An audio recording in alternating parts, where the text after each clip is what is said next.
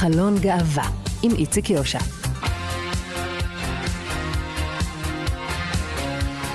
שלום, שלום לכם מאזינות ומאזיני כאן תרבות, אנחנו חלון גאווה.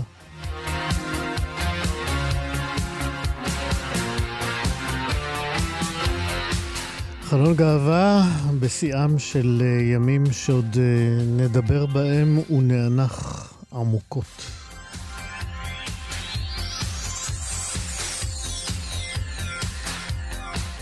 היום בתוכנית אנחנו ננסה להתבונן אל השבר הפנימי בחברה הישראלית מתוך uh, מבט אל הזוגיות של בני זוג הומואים, ערבי ויהודי.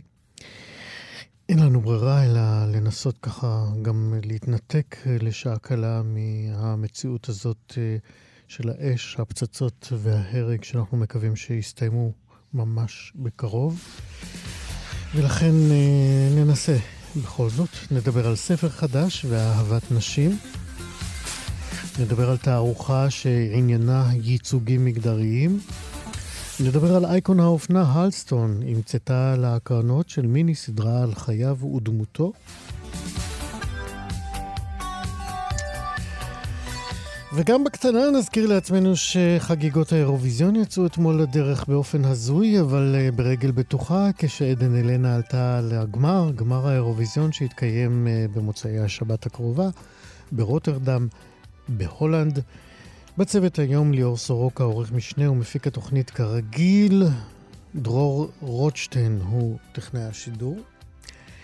אני איציק יושע איתכם עד שלוש, מקווה לשקט גורף ומתמשך.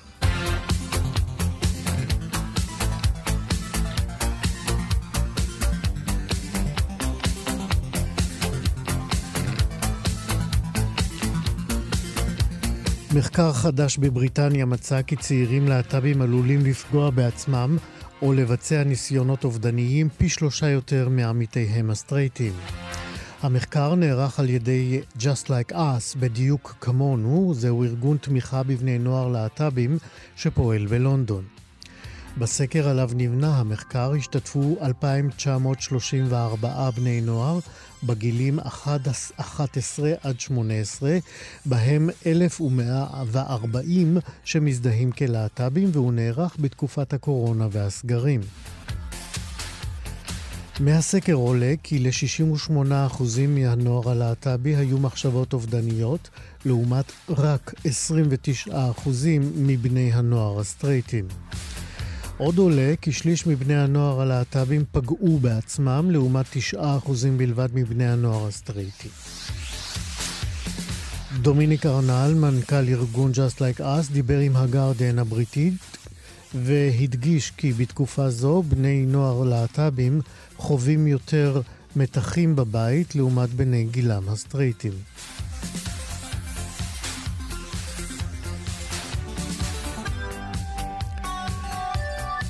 המוזיקאית דמי לובטו הודיעה היום כי היא א-בינארית וביקשה לפנות אליה מעתה בגוף רבים. לדבריהם, הדבר משקף באופן הטוב ביותר את הנזילות המגדרית שלהם. אנשים א-בינאריים אינם מזדהים כגברים או כנשים. ב-2017 הודיעה כוכבת הפופ בת ה-28 כי היא קווירית ושיתפה את מעריציה בעובדה שהיא יוצאת גם עם גברים וגם עם נשים.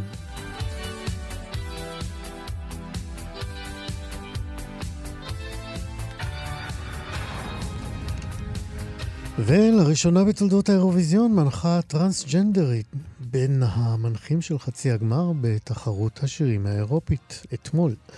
ניקי דה ג'אגר, הידועה בכינויה ניקי טוטוריאלס, הייתה אמש אחת מארבעת המנחים בחצי הגמר הראשון של התחרות, שמתקיימת השבוע כאמור ברוטרדם שבהולנד.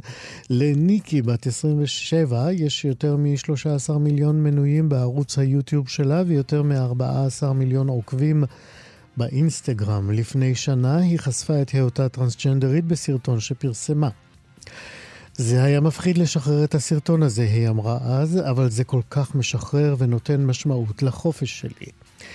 לקראת סיום התוכנית אנחנו נשמע קצת מהרגע הגדול הזה של עדן אלנה אתמול בערב, ועד כאן חדשות. חלון גאווה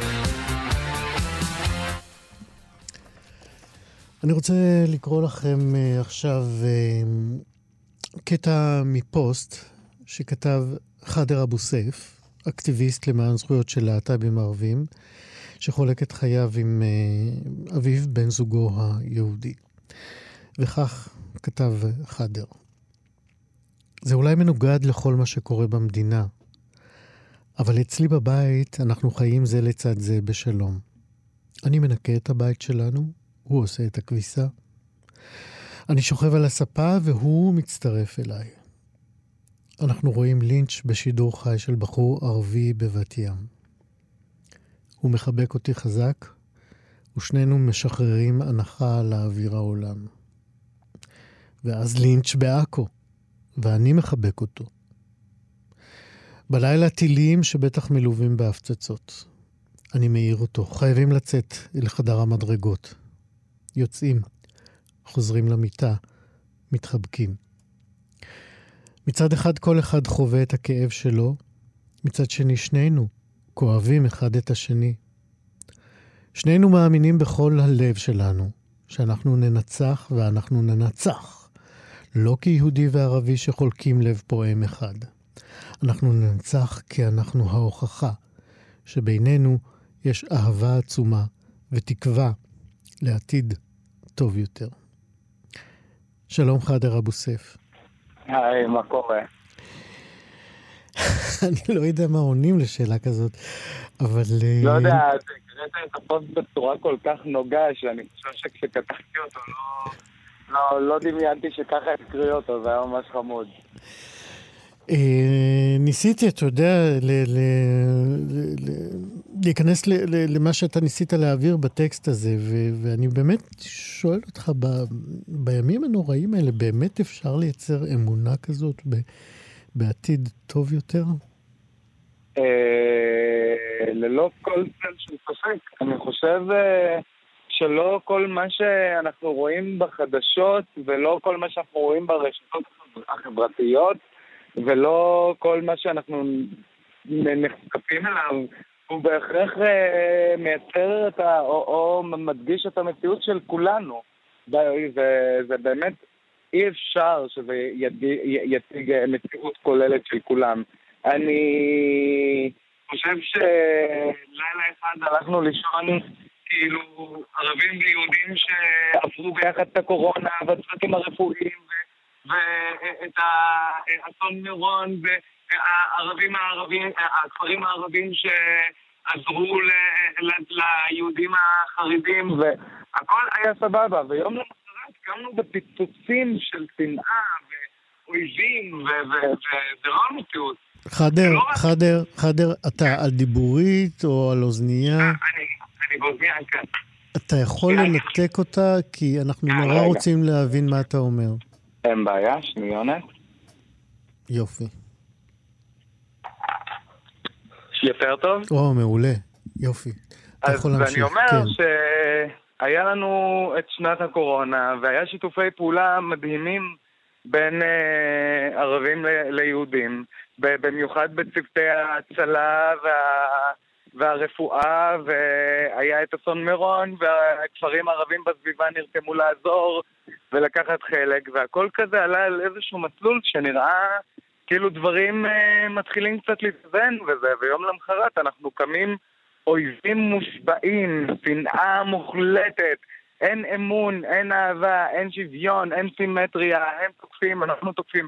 וזה לא המציאות של כל האנשים שחיים במדינה הזו, זה ממש ממש לא המציאות של כל האנשים שחיים במדינה הזו. אני לא יכול להגיד לך שעקב אה, חוסר במשילות בממשלה וחוסר שליטה, אז אני קמתי אה, בבוקר ושנאתי אה, את כל היהודים, או הרגשתי שהם אויבים שלי. אני מדגיש, אני לא חושב שיהודים הם ממש לא אויב שלי, ואני לא שונא את כל היהודים, וכאילו זה, זה ההפך מכל החברים שלי הערבים, אבל כאילו, בן זוג שלי יהודי. אני לא יכול להתנהל ולדבר ו- ולפנות סתם ככה, אני לא יכול להציג את, את, את מה שאני מרגיש לעולם כחלק מנרטיב של מה שקורה עכשיו בחדשות, או כחלק מנרטיב של מה שקורה עכשיו ברשתות החברתיות. אז הדבר היחיד שיש לי להציג לעולם ולהגיד אותו בקול רם, שלא, ממש ממש לא. ביני לבין בן זוג שלי, ביני לבין החברים שלי, יש את האהבה הכי גדולה בעולם, והיא לא קשורה להיותנו אני ערבי, הם יהודים, הם יהודים, אני ערבי, ולהפך. וגם קול שצריך להישמע, פשוט זה קול שלא אוהבים אה, לדחוף אותו ולהדהד אותו. אה, ולשים אותו בפרונט, כי הרבה יותר קל והרבה יותר אה, אה, נוח להדהד שנאה וללבות ולהצית. כן, חדר, אני, אני רוצה לשאול אותך ולנסות ככה... אנחנו בתוך מצב קשה נורא וגם צריך לשאול שאלות קשות. מתי, אם תוכל לשתף אותנו, מתי ההבדלים, בכל זאת, של המוצא, עלו בתוך הקשר שלכם, בינך לבין אביו, בינך לבין המשפחה שלך כלפי אביו, בין המשפחה שלו אל המשפחה שלך? אני ואביו ביחד חמש שנים וחצי, ואולי בהתחלה זה... והיה עניין סביב זה, והיה דיבור סביב זה, אבל אחרי חמש שנים וחצי אתה כבר לא רואה בבן זוג שלך... ברור, ברור, אבל אני רוצה, להישאר, אני רוצה לשאול, להישאר איתך באמת על, ה, על, ה, על הזמן הראשון שבו אתה אומר היה דיבור על זה. מה היה בדיבור הזה? על מה דיברו? על מה, כמה הסתייגו? כמה בירכו? כמה אה, אה, הרגישו לא נוח? אה, אני, במשפחה שלי אין בכלל אה, פה מקום של סיי. מי שאני אבחר להיות בו זה גם מי שהם יקבלו אותו, וזה מה שיהיה, לא משנה אם הוא צ'רקסי, אה, נוצרי או יהודי. זה, זה, אני לא, אני לא בן אדם אה, אה, רגוע וסבבה, אני, אני בן אדם שיצא מהארון בגיל 15, אז מלכתחילה לא היה יותר מדי סיי לגבי מי אני אהיה ומה, ו, ומה אני אהיה. אני כאילו, אצל, אצל אביב זה היה קצת יותר קשה העניין של אה, קבלה של אה, בחור ערבי לתוך המשפחה, אבל גם על זה עבדנו נורא קשה, כי בסופו של דבר הם, הם, הם פשוט הכירו איזשהו טייטל ערבי, אבל הם, הם לא הכירו את חדר הבן אדם. אה, ו, ו, ועל דברים כאלה עובדים, ככה מייצרים את, את החיבורים האלה. אין, שום דבר לא קל. אני, אני, אני יודע על משפחות נוצריות שלא מקבלים חתנים מוסלמים ועל משפחות אשכנזיות שלא מקבלות uh, חתנים מזרחיים, סתם לשם דוגמה. אין, אין במדינה הזו דברים שמגיעים בקל לצערי. אנחנו נורא רוצים להיות uh, ליברליים ו... open minded וזה, אבל בסופו של דבר ובסופו של יום, כשאני, כשאתה מסתכל על התמונה הכוללת, רוב המדינה היא, היא אה, אה, קצת דתית או שומרת מסורת נקרא לזה. והמון פעמים להכניס לתוך המשוואה הזו ערבית זה לא בדיוק הכי קל או נוח או, או, או נעים, אבל, אבל גם בלי לעשות את זה ובלי לעבוד על זה, דברים לא באמת השתנו פה. ברור שזה אישו, שלא יהיה שום ספק, אני לא מנסה לבוא ולהגיד הכל יפה והכל ורוד והכל מדהים. פשוט מאוד אני בא ואומר שוואלה, הכל לא יפה והכל לא מדהים, אבל עבודה קשה על הדברים שבאמת חשובים לך, ולהצהיר את האמת שלך בצורה שהיא אולי לא מקובלת על ידי כולם, זה משהו שהוא לגמרי לגיטימי וסבבה לעשות אותו. ואתה לא צריך להתבייש או לפחד, ואני לא הסתרתי את המידע הזה, וגם כן. אביב לא הסתיר את המידע הזה, כאילו שאני ערבי במשפחה שלו, אבל היה לנו ברור שזו סיטואציה שנאלץ להתמודד איתה. אתם גרים בתל אביב, ביפו? אנחנו גרים בתל אביב. כן. אה, המשפחה ביפו, נכון? כן. שלך? נכון. אתה הולך לבקר שם בימים האלה, מן הסתם. ללא ספק. משהו השתנה שם מהיסוד. נכון. מה אתה, מה, מה, מה אתה רואה בשינוי הזה? מה, מה מצאת שם? אני חושב שמה שהשתנה באמת מהיסוד זה שהמון צעירים וגם המון מבוגרים עוברים איזשהו תהליך של התפכחות שהם באמת באמת באמת לא מוכנים יותר שהמדינה תתייחס אליהם בצורה כזו. הם לא מוכנים יותר להרגיש מופקרים, והם לא מוכנים יותר להרגיש אויב. ברמה של אחותי אמרה לי, אה, תקשיב, אני כאילו מגדלת את, ה, את הילד שלי ביפו, ואני לא מרגישה בטוחה. אני לא מרגישה בטוחה, אני, אני מודאגת שהבן שלי בגיל מסוים, אה, המשטרה תתנכל לו, או שיפגעו בו, או שאתה יודע, העניין של אה, הפרעות של יב, הפורעים ביפו זה מעולם לא היה יהודי יפו אל מול ערבי יפו. ברור לך שאנשים שנכנסו ליפו ועשו, הם בכלל לא קשורים ליפו. ואני חושב שכל המהומות, לא רק ביפו, כל המהומות שהיו בכל הערים המעורבות, הם לא רק אה, אה, על, על, אה, על זה ש... על, על, על, כי רוב הציבור חושב שזה קשור לאל-אקצא ולשייח' ג'ראח. זה הרבה הרבה יותר מעבר לזה. זה הרבה הרבה יותר מעבר לזה. ולעניין של נגיד ביפו, לזה שעמידר מוציאים ערבים מהבתים שלהם לפי חוק, הכל טוב, הכל יפה, אבל בעצם מתנחלים קונים אותם בזמן שלערבים אין את היכולת לקנות אותם. זה משהו שהתפוצץ שבועיים לפני כל הסיפור של צ'ייח' ג'ראח, ו... ושבועיים לפני כל הסיפור של המלחמה עם חמאס ואל-אקצא ולא יודע מה. אנשים ממש חוששים לעתיד שלהם, בזמן שלא מדברים בתקשורת על זה שהמתנחלים ביפו רוצים אה, לעבוד באיזושהי שיטה שעירוני זין, בית ספר מעורב, שלא ילמדו אה, בו ביחד ערבים ויהודים. זה מאוד פרובלמטי, אף אחד לא ידבר על זה, כי כרגע הערבים מסומנים כאויב, והם פורעים והם כאילו אה, אה, שובתים בגלל אל-אקצא ובגלל חמאס, והם פורעים בערים שלהם בגלל אל-אקצא ובגלל חמאס, אבל כשבתכל'ס זה רחוק אה, להיות מהמציאות, וזה מדאיג אותי, כי אני דואג למשפחה של החבר'ה שהתפרעו בבת ים. אה, המשפחה שלי גרה בגבול יפו, הם הגיעו עד למשפחה שלי בגבול יפו. ואני, שלא תטעה, חשוב לי להגיד, זה לא שאני משרטט איזשהו, אני לא מנסה להוציא את הפורעים היפואים אה, אה, כאילו יותר טובים או פחות טובים. הפיכת אה, אה, סטטוס קבוע הזו היא הזויה ומוזרה, אבל היא לא תלושה מהמציאות. זה קורה כי המון המון דברים קורים, והממשלה לא דואגת לאזרחים הערבים שלה. ובאמת הדוגמה הכי קלאסית לזה זה עניין הנשק. אני יודע אישית שגם יפו וגם לוד וגם רמלה וגם המשולש במשך שנים מתלוננים אל מול, אל, אל מול הממשלה על עניין הנשק הלא חוקי בחברה הערבית. אף אחד לא טיפל בזה, אף אחד לא נגע בזה, ולא בא לי עכשיו, כאילו, אתה יודע, אתה מכיר את הסיפור, כולם מכירים אותו, אומרים את זה כל הזמן, אבל האם באמת יעשה עם זה משהו? האם באמת המציאות תשתנה? האם האחיין שלי בעוד כמה שנים ירגיש בטוח שיש כל... אני לא יודע להגיד. חדר אבו סף, תודה רבה שדיברת איתנו. תודה רבה ששלחתם אותי. שיהיה המשך אה, שבוע נעים, אני מקווה. אני פשוט אין לי מילים uh, טובות לסיים את השיחה הזאת, חוץ מאשר uh, להודות לך ולקוות שכולנו נקום לבקרים הרבה יותר אופטימיים, למרות שאני ממש לא אופטימי. למרות הנחישות וההתלהבות שלך והחד משמעיות של הדברים שלך. תודה, יהיה בסדר. חדר אבו סף, תודה רבה. תודה רבה לך. להתראות. חלון גאווה. אוקיי, okay, עכשיו אנחנו ככה ננסה להתפנות uh, ליומיום המקומם שמחכה לנו מעבר לפינה, uh, בתוך כל הליך השיקום הגדול הזה שמחכה לכולנו, לכל מי שימשיך uh, לחיות כאן.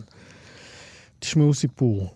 הסיפור הזה מתחיל uh, בזוג גברים מאוחדים uh, בזוגיות שלהם במשך עשר שנים. Uh, ולתוך הזוגיות הזאת, שנראתה משפחתית ואוהבת ותומכת, נולדו שלושה ילדים בהליך פונדקאות שהזוג קיים בתאילנד. תאומים, ואחריהם, אחרי שנה, נולדה בת, כיום התאומים בני שבע והבת אה, בת שש.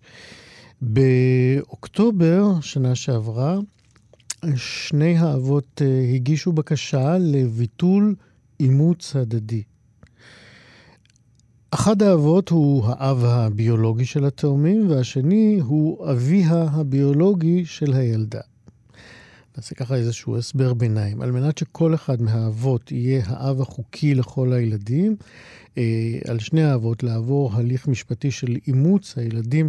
הביולוגיים של בני הזוג שלהם. זאת אומרת, שני האבות עברו אה, אה, את ההליך הזה, ושניהם רשומים אה, כשני הורים חוקיים אה, לכל דבר, לכל אה, שלושת הילדים. אז הם הגישו את הבקשה הזאת, ושופטת בית המשפט לענייני משפחה, תמר אה, סנונית פורר, פסקה כי יש למחוק את תביעתם של שני האבות על הסף. בנימוקים שלה לדחיית התביעה היא קבעה כי התנאים לביטול אה, צו האימוץ לא מתקיימים במקרה הזה, ובעצם אה, שלחה אותם להרהר היטב במעשה שלהם, בעצם המהלך שלהם לביטול האימוץ.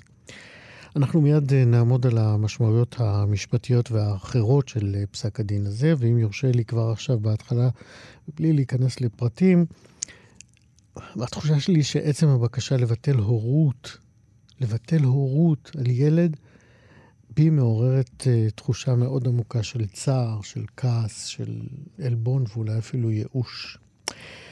שלום לפרופסור צבי טריגר. שלום.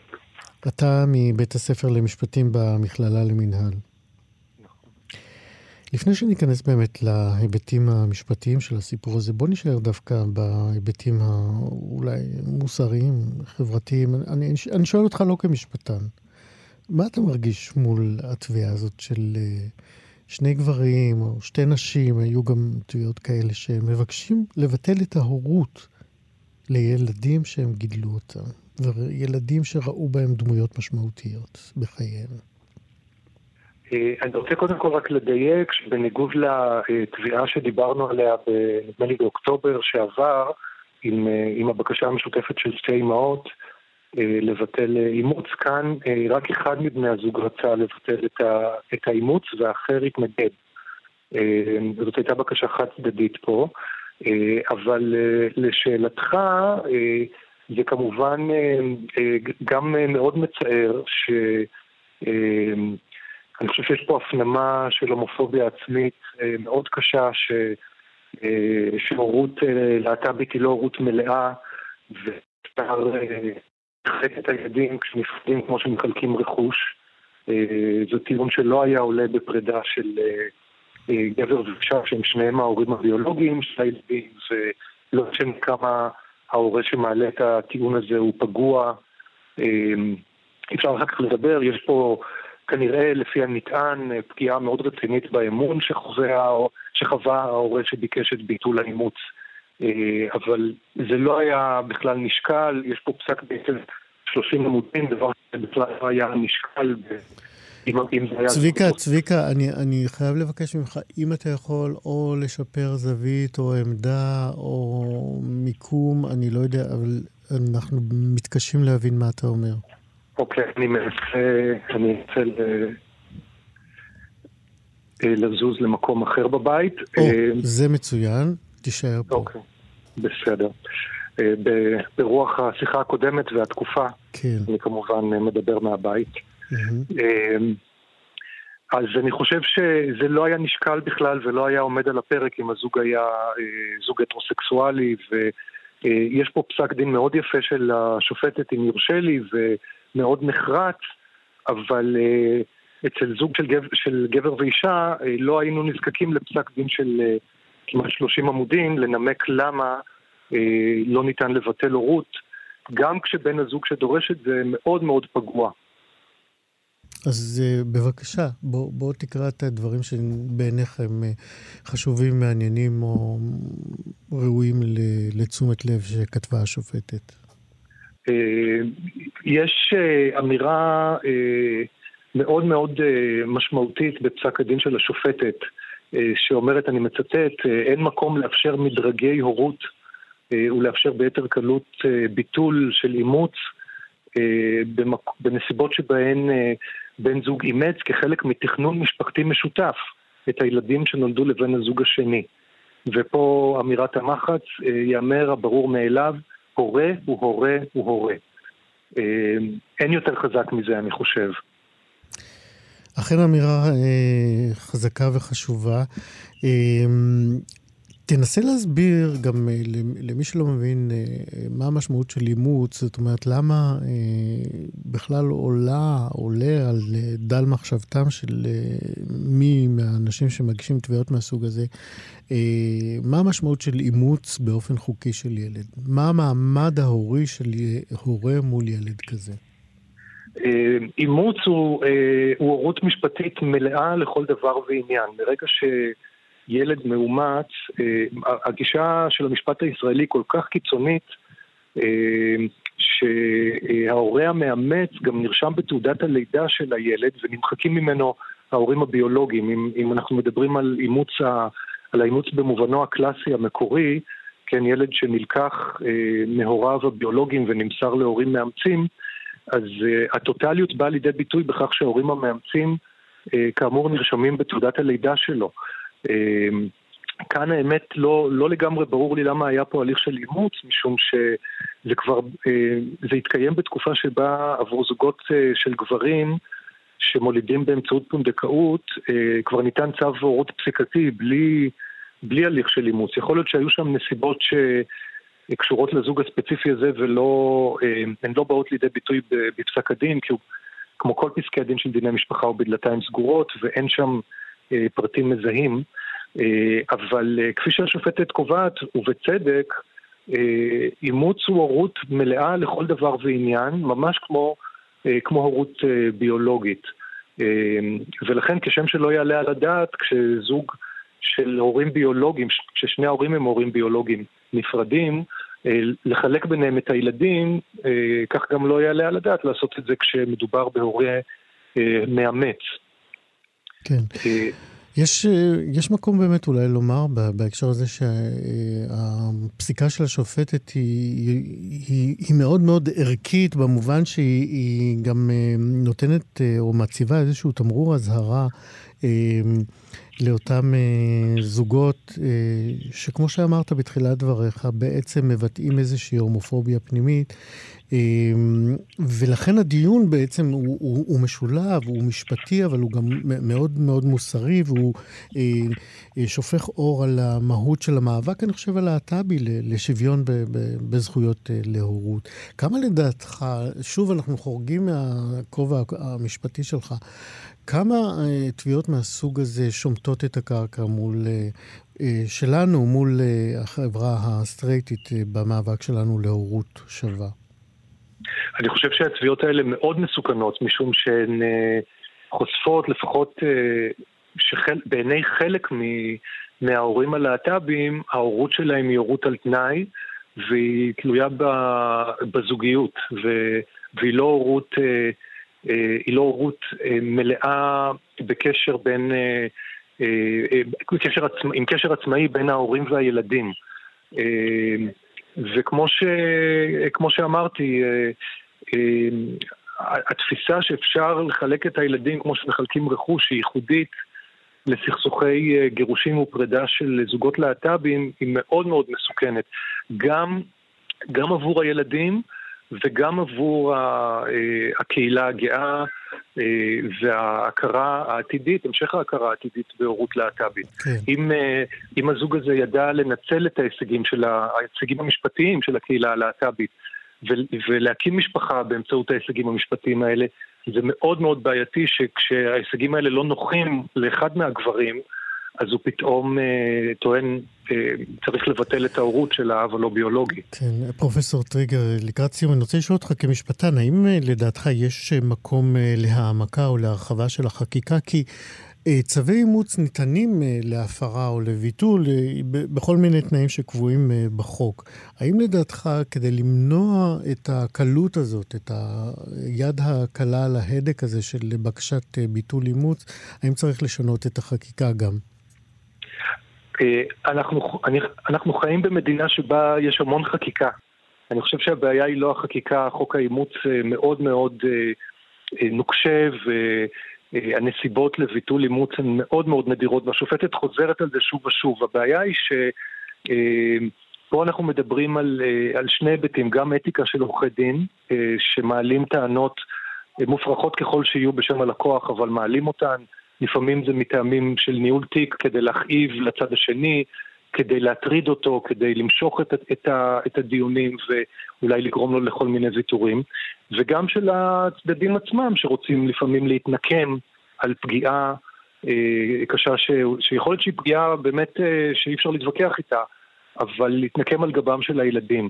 ולכן אני חושב שפה הבעיה היא לא בעיה של החוק, הבעיה היא אה, שהורים אה, ופה כנראה אה, אה, הזוגות הלהט"בים לא יותר טובים למרבה הצער מהזוגות הסטרייטים, שהורים לא תמיד יודעים לעשות הפרדה בין הרגשות הקשים שיש להם כלפי בן או בת הזוג, ושוב, אני אומר, לפעמים הפגיעה היא באמת פגיעה קשה, לבין טובת הילדים, ולהשאיר את הילדים מחוץ לסיפור.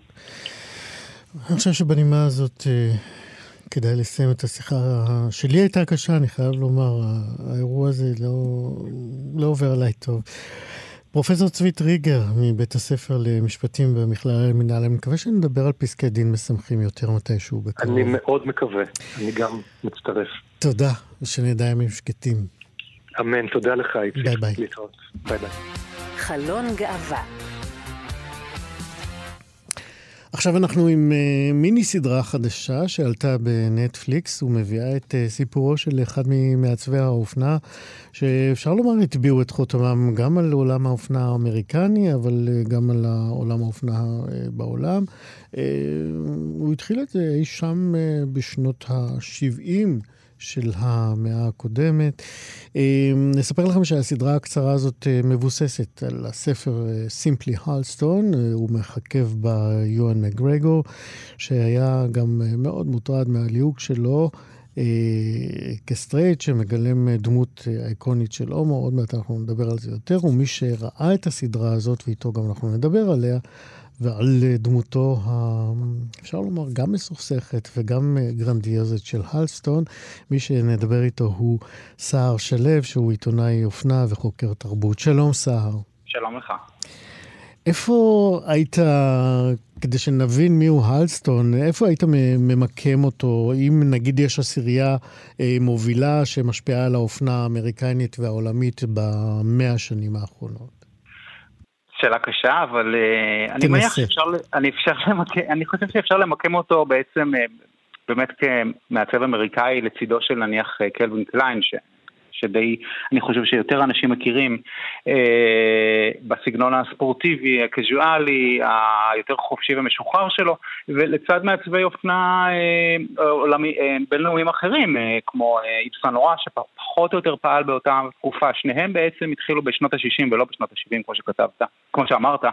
אה, ואז בעצם הם, הם נקרא להם. סוף שנות ה-60, תחילת 70, זה פחות או יותר. הוא, התחיל, הוא, כן. הוא בעצם התחיל את, ה, הוא התחיל את דרכו ככובען אה, בבית, הקולבו ברגדוב גוטמן, והתהילה שלו בעצם יצאה כשהוא, אה, כשג'קלין קנדי אונסיס אה, לבשה את ה... כן, היא בעצם נתנה לו את הבוסט הראשון. חבשה את הכובע בטקס ההכתרה של בעלה ב-61. כן. אז כלומר, הוא מ-61 כבר התחיל להיות מפורסם, אבל באמת אה, שנות ה-70 היו שנות התהילה הגדולות שלו. אה, ובעצם, אה, לשאלתך, אם, אם אפשר למקם אותו, זה באמת, אפשר, אפשר לדבר על איזה דור חדש של מעצבי אופנה ש...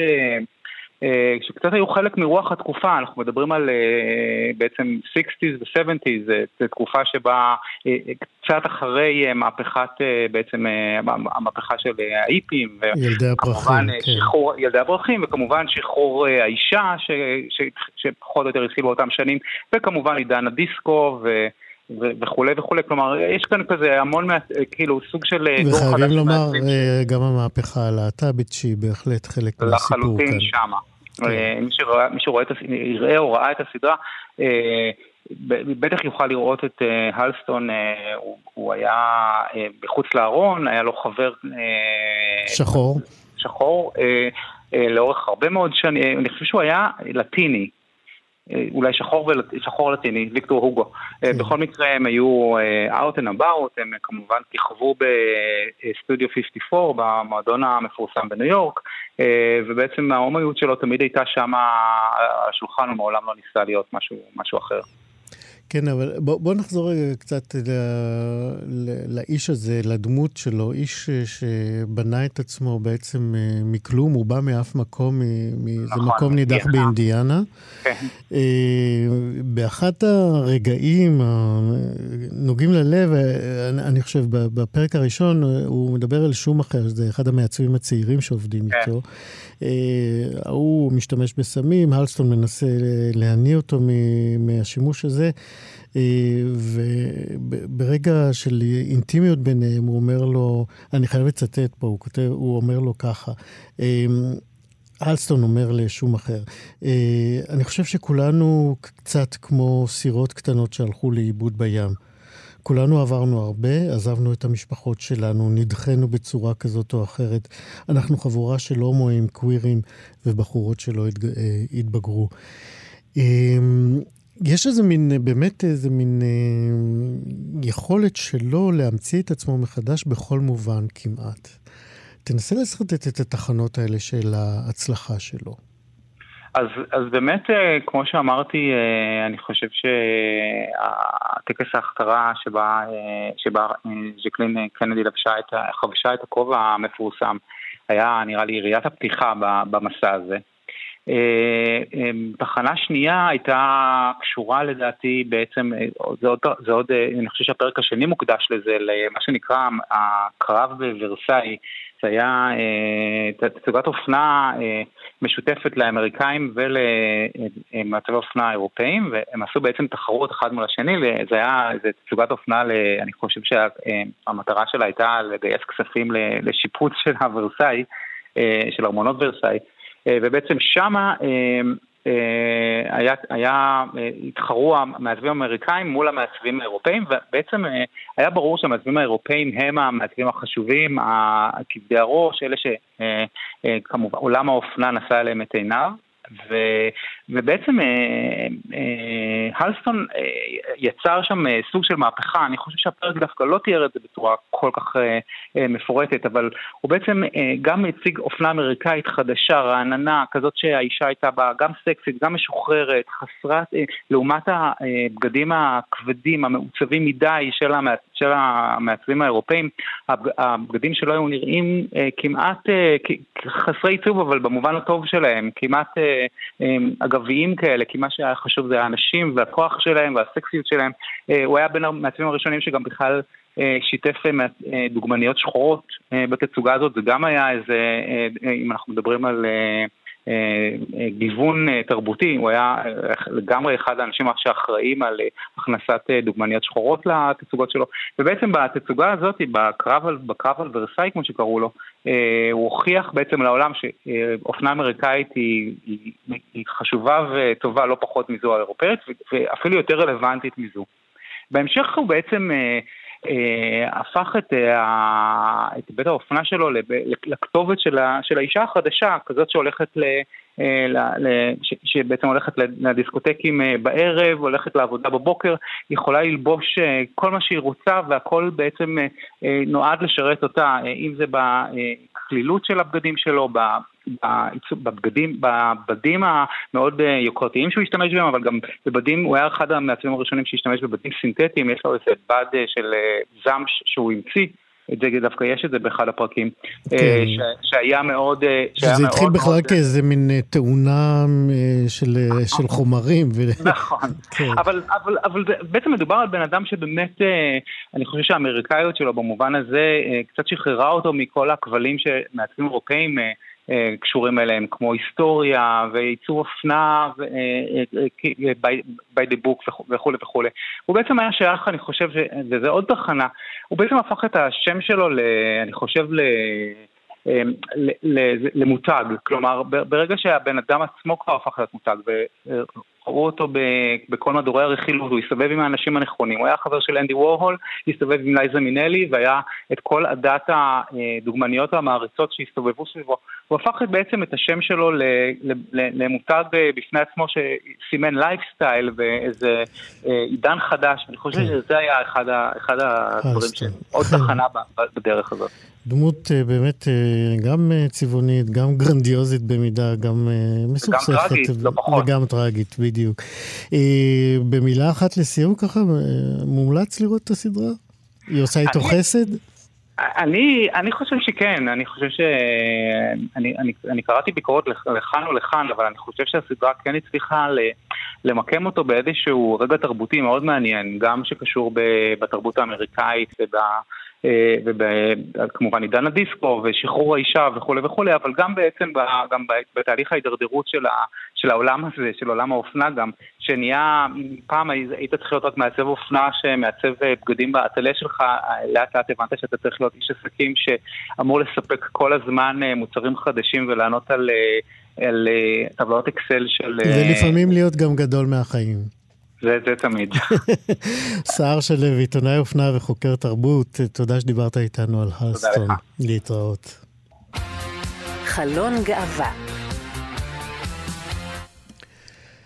עולמות uh, שמתערערים הם כנראה הסיפור הלוהט של uh, חיינו בזמן האחרון, או כמו בשיר uh, של יעקב גלעד ופוליקר, שככה מהדהד לי בימים האלה. ואלה הם חיינו בזמן האחרון, יכול להיות יותר טוב, יכול לבוא אסון. מי שזוכר איך קוראים לאהבה שלי, אז בואו נדבר עכשיו על עולמה של רווקה דתייה שמתערער דווקא כאשר היא מתאהבת באישה. הנה תקציר אה, קצר של עלילת חייה של האישה הזאת. נעמי וסרמן היא צעירה ירושלמית דתייה, בת 32, ועל פי מנהגי סביבותיה היא הייתה אמורה כבר מזמן להתחתן, להקים משפחה ולגדל כמה וכמה ילדים אולי. אבל נעמי לא. אימא שלה רומזת כבר שהגיע הזמן אולי, חברות ככה אומרות, אה, מבטיחות שיהיה בסדר, אבל הבסדר של נעמי הוא לא הבסדר של אימא ושל החברות, כי יום אחד היא פשוט אה, במהלך טיול אה, סוכות שהיא מקיימת בערבה, נעמי פוגשת את סלע, ומוצאת בעצם את כל מה שהיא חיפשה תמיד בשותף לחיים. הומור, רגישות, הכלה, הקשבה. ולחגיגת התכונות המעטירות האלה נכנסו גם בטבעיות יין וכוכבים ופרפרים בבטן וכל שאר החומרים האלה שמהם עשויה התאהבות שמובילה לאהבה, אלא שבקונסטלציה הרומנטית הזאת אה, מזדקרת כמובן הבעיה, כי סלע היא אישה. זהו פחות או יותר ככה סיפור המסגרת של בבת אחת זה שם ספר ביקורים של אה, רבקה רוזנר, שיצא לאחרונה בהוצאת שתיים. שלום לרבקה רוזנר. שלום, שלום. ברכות על הספר. מאוד שמחה לדבר איתך. גם אני שמח לדבר איתך. תודה רבה, תודה. אז אה, כמובן ברכות באמת על הספר, וגם נגיד עוד משהו, שהוא יצא בהוצאת שתיים, שמבחינתך זה גם ספר ביקורים של ההוצאה, זה גם ספר ביקורים שלך. וזאת בכלל איזה מין אה, פרויקט אה, משפחתי, כי אה, גיסתך לדעתי עומדת בראש ההוצאה, נכון? כן, זה נכון. אורנה לנדאו יחד עם מירי רוזובסקי. אורנה היא גיסתי.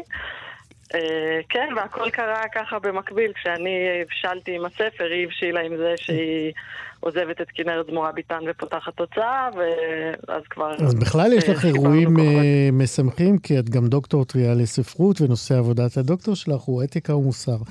בסיפוריו של אדגר קרת. זהו, ועכשיו אנחנו נדבר על זה בבת אחת. אמ, אז אה, אולי ניגש אה, ישר, אמנם נעמי היא כמובן איננה בת דמותך אחת לאחת, אבל אה, אפשר לומר לגמרי שסיפור חייה נשאב הרבה מחייך שלך. אז אולי ספרי לנו קצת על עצמך למי שלא מכיר אותך. אוקיי, okay, אז uh, קודם כל זה, כל קשר למציאות הוא מקרי בהחלט, והוא גם לא שאמרתי. מקרי בכלל. כן, כן, זה ממש uh, הולך ביחד. אז uh, קוראים לי רבקה רוזנר, או כמו שרוב האנשים קוראים לי זה רבקי. אני ירושלמית, חגגתי השנה 40. Uh, אני חיה עם בת הזוג שלי, הילה, בארנונה, בירושלים, ואנחנו מגדלות את הבת שלנו רות, שהיא עוד מעט בת שלוש. אמ, זהו, גדלתי באמת בציונות דתית, אה, בני עקיבא, אה, מוסדות דתיים, אם כי מבית מאוד מאוד אה, ליברלי, ששייך לפלגים היותר ליברליים של הציונות הדתית, מימד וכיוצא באלה. ומה שקורה לנעמי בספר הוא באמת בחלקים נרחבים, הוא מה שקרה לי במציאות.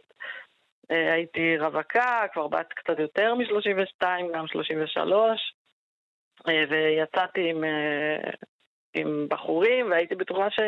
וגלשתי באתרים, והייתי בטוחה שאו-טו-טו יפציע האחד הנכון, ואז, ואז הפציע הילה.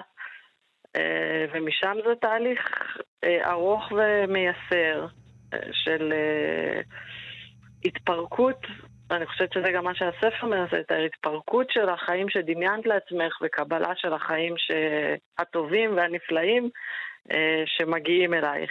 את יכולה אה, לשרטט את קווי השבר שעוברת אה, נעמי כאשר היא מבינה שהחלום שלה הוא על אישה ולא על גבר? אני, קודם כל, אני לא בטוחה שזה מה שנעמי מבינה במהלך הספר, אלא שהיא מבינה שהזדמנה לפתחה אהבה, ופחות משנה אם היא אישה או גבר. אה, במקרה הספציפי הזה מזדמנת לפתחה אהבה בדמותה של סלע, וזו אהבה טובה, והיא, ולכן ההתלבטות היא גם כל כך קשה, כי זה לא שהיא מבינה שהיא לא תוכל למצוא אהבה כזאת עם גבר, יכול להיות שכן. אין פה איזו הכרעה ברורה ביחס לשאלה הזאת, אבל יש פה אהבה ממשית לעומת איזושהי אהבה מדומיינת עתידית שאולי תגיע ואולי לא. וה... ו... ולכן השבר הוא גם עמוק, השבר הוא עמוק בכל מקרה, אבל השבר הוא עמוק כי זה ממש איזושהי הרגשה של בחירה, וזו בחירה בחיים הלא מקובלים, בטח בחברה שבה היא נמצאת. אומנם אה, היא משחקת כדורסל, אז יש סביבה כמה זוגות לסביים, היא מכירה נשים שמגדלות משפחות וככה, אבל זה לא, זה לא הסטנדרט, ובבית הכנסת שבו היא מתפללת בערבי שבתות או בשבתות בבוקר אין זוגות חד-מיניים, לא של הומואים ולא של לסביות, וזו תחושת בדידות אה, מאוד גדולה. ו... מה המחירים שנעמי משלמת בספר? אז בספר באמת אה, יש אח אחד שהוא אח אה, יותר דתי ואשתו היא עוד יותר אפילו אה, שמרנית ודתית, והם אה, מתקשים, מתקשים לקבל את זה שהם, הם, אמנם האח מבטיח לה שהוא ימשיך לאהוב אותה, אבל לאהוב אותה אה, מבלי לקבל את בת הזוג שלה ואת הזוגיות שלהם ואת המשפחה שבהמשך אולי הם יקימו, זה, זה מין קבלה שהיא קבלה ש... היא בעצם, היא, היא אי קבלה במסווה של קבלה, שזה משהו שבתור מי שגדלה בציונות הדתית וחיה וחיות סביבי הרבה נשים, שזה בדיוק מה שהן אומרות, אומרים להן, כן, אתן יכולות לבוא הביתה, אתן יכולות, אבל בת הזוג שלכן לא, והילדים המשותפים לפעמים גם לא. אה, וזה קורע, קורע את המשפחה את המשפחה, או במקרה של נעמי, אח אחד ממש נקרא, היא נקרעת ממנו והוא נקרע ממנה, אם כי, אני לא רוצה לעשות ספוילרים, אבל זה לא לגמרי מוחלט, יש איזה שבב של תקווה שם, שזה עוד ישתקם. רבקה רוזנר, אנחנו צריכים לצערי לסיים עוד מעט. אני רוצה לשאול אותך באמת, כמה באמת הספר שלך יכול היה להיכתב uh, עכשיו בגלל שהציונות הדתית עוברת איזשהו uh, שינוי או uh, הפנמה של ההוויה הלהט"בית? אה, אני, אני מניחה שיותר, אני יודעת רק את המציאות שבה אני נמצאת. כן חשוב לי לומר שהספר לדעתי הוא, הוא כולל הרבה הרבה כאב על רווקות שהיא לאו דווקא להט"בית. העניין של רווקות מאוחרת בציונות הדתית והלחץ האטומי שמופעל במיוחד על נשים שהשעון הביולוגי שלהם מתקתק זה נושא שהוא מאוד מושתק והוא מאוד כואב והוא כואב לי כי יש סביבי הרבה חברות שנמצאות גם במצב הזה. ויחד עם זה, אין ספק שהספר הוא גם תוצר של קול שניתן לי על ידי ארגונים שקמו, כמו בת קול וחברותא ושובל, שעושים עבודה חינוכית וציבורית ותודעתית מופלאה בציבור הדתי, אם כי הדרך עוד ארוכה. לגמרי. רבקה רוזנר כותבת הספר בבת אחת, אני ממש uh, מאיץ בכם uh, לקרוא אותו, הוא מרגש uh, ו- ופותח... כיוונים חדשים לחשיבה למי שההוויה הזאת אה, חשובה לו. אה, ברכות לך ולהוצאה על הספר, ושנדע ימים טובים ושקטים. אמן. תודה רבה. להתראות. חלון גאווה מה זה אומר להיות בן, מה זה אומר להיות בת, ואיך זה משפיע על מרחב הבחירות שלנו. השאלות האלה מונחות אה, ביסודה של אה, תערוכה שאנחנו נדבר עליה עכשיו, היא נקראת ג'נדר בלנדר, תערוכה חדשה של תלמידי קמפוס פרס, אני חושב, כך קוראים לו, ברוח הייטק היי שפועל בחולון. התערוכה הזאת תיפתח ב-20 במאי, שזה ממש ממש מחר, בגלריה 58 במרכז עזריאלי שבחולון. כמו שניתן אה, להבין מהשאלות שככה הנחנו כאן, התערוכה הזאת אה, עוסקת אה, בהבניה המגדרית שאנחנו מפעילים עלינו, על סביבותינו ועל ההשלכות שלה. וכל הסוגיות כבדות המשקל האלה באות לידי ביטוי בעבודות של התלמידים, ואני אומר עכשיו שלום לדוקטור עמי שרגר. שלום, צהריים טובים. אתה מצוות uh, מדעי הרוח בקמפוס, ואתה גם אחד ממנחי הפרויקט הזה. נכון, אנחנו בקמפוס פרס, צדקת בשם בצורה נפלאה. היי. uh, כן, אנחנו, יש לנו צוות של מדעי הרוח, שכולל בעצם את כל המקצועות כמו ספרות, תנ"ך והיסטוריה. אה, אנחנו נאספים אה, בתחילת כל שנה צוות כדי להחליט על פרויקטים שנעשה במהלך השנה, ואחד מהם באמת אה, עוסק במגדר, ובהבניה מגדרית, וכיצד היא משפיעה באמת על הבחירות שלנו ביום-יום. אז זהו, אין, באמת אין מתסכל מלדבר על תערוכה ברדיו, אבל בוא תנסה לתאר ל, ל, לנו, למאזינים, אה, למי שלא ראה את התערוכה, מה, מה בעצם אנחנו נוכל לראות בתערוכה הזאת? אוקיי, אז התערוכה הזו היא בעצם תוצר של פרויקט, כי בעצם הלמידה אצלנו היא אה, למידה מבוססת פרויקטים. התלמידים אה, חוו כל מיני צורות של ידע כדי להגביר אצלם את, ה, את כל מה שקשור לגבי הבניה מגדרית וכל מיני דברים כאלה. היה לנו אה, הרצאות, הייתה היה הרצאה של טרנסג'נדר והיה הרצאה של גבר שמתעסק בכיצד אה, ההבניה המגדרית דווקא משפיעה על גברים, וזה העצים את החוויה שלהם, ואז הם היו צריכים להוציא את החוויה שלהם החוצה בתור איזושהי כרזה. לשם כך הבאנו את, חברנו יותר נכון למורה הנפלאה שלנו לאומנות, אה, שלימדה אותם במקביל גם מה זה כרזות ואיך אפשר לבטא את כל הידע שלהם והרגשות שלהם וכל מה שנצבר בתוכם לתוך כרזה. הם ראו כל מיני כרזות מפורסמות והתחילו לעצב את כל הידע הזה שנצבר במשך משהו כמו חודש, התחילו להוציא אותו החוצה. אה, ובעצם יש לנו כל מיני כרזות שמתחברות לעולם הפנימי של הילדים. אה, אחת הדוגמאות... תן לנו דוגמאות באמת. זהו, אז אחת הדוגמה, הדוגמאות שאני אישית הכי אוהב, אבל אני, זה הטעם האישי שלי, זה למשל, אה, איך אומרים בעברית כבאית. איך אומרים מה? כי, איך אומרים בעברית, אה, כלומר, למה אין, אין אה, מין נקבה למילה כבאי? אה, אוקיי. כן, כי לדוגמה... כי כבאית זה המכונית. בדיוק, כי כבאית זה בעצם, זה אני יודע טוב מסמי הכבאי, כי אני רואה את זה אצל הילדים שלי, אבל אה, זה, ידע, זה ידע מוקדם. אבל הם שאלו שאלה מאוד יפה, כלומר, למה יש כבאי בזכר, והמילה כבאית, שזה אמור להיות הנקבה של זה, למה זה שמור ל... למכונית. לרכב ל... לכיבוי אש, כן. כן. אז הם עיצבו כרזה כזו מאוד מאוד יפה, שיש כמובן באמצע של הכבאית. הכל מסביב אה, זה כזה להבות, כזה כאילו זה עולה באש, ושואלים, למה אין בעברית מילה, למה, כלומר, למה אני לא יכולה להיות כבאית? למה אין לי מילה משלי? תשמע, האקדמיה פתרה את זה, היא נתנה לכבאי שם אחר, לוחם אש. אה, אז לוחמת אש. כן. אז בתערוכה הבאה אנחנו נתחשב בזה.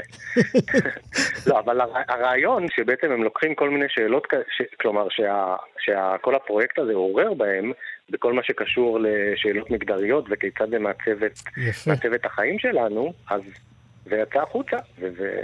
יופי. פוגש את העולם, וזה נפלא. לצערי אין לנו עוד הרבה זמן לדבר על זה, רק כן. אה, בואו נזמין שוב את המאזינים. זה נפתח מחר, נכון? גלריה 58, נכון. מרכז עזריאלי נכון. בחולון. נכון. כמה זמן היא תוצג התערוכה? אני חושב שמשהו כמו חודשיים או שלושה זה בדרך כלל הזמן יפה. שיש לתערוכות. כמובן שהתערוכה גם תהיה אצלנו בבית הספר. שלום, דיברתי מספיק. הדוקטור רמי שרגר, תודה רבה לך. תודה רבה, יום טוב, ביי ביי. ג'נדר בלנדר. is Set me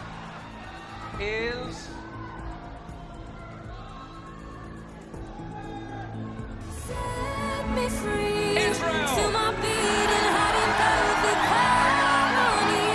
Don't let me down. Oh, oh, oh, I'ma make it on my זהו, כך זה היה אתמול בלילה. חג האירוויזיון התחיל ברגל טובה. עדן אלנה עלתה לגמר, שהתקיים ביום אה, מוצאי שבת ברוטרדם בהולנד. אנחנו עם הצלילים המשמחים האלה בהמולה הבלתי נסבלת. טוב שיש קצת מזה. תודה רבה מאוד uh, לצוות שלנו, הצוות הענק, ליאור סורוקה, עורך uh, משנה ומפיג התוכנית הזאת, דרור רוטשטיין, טכנאי השידור, חלון גאווה, הסתיים כאן עוד חלון גאווה בשבוע הבא. אני איציק יושע, להתראות.